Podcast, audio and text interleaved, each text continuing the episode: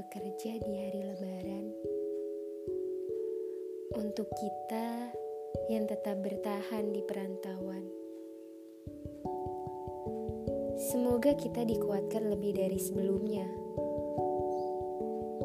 Tuhan lebih dari tahu bahwa kita rindu keluarga. Kita hanya harus sedikit bersabar karena setiap rindu dan penantian pasti akan terbayar.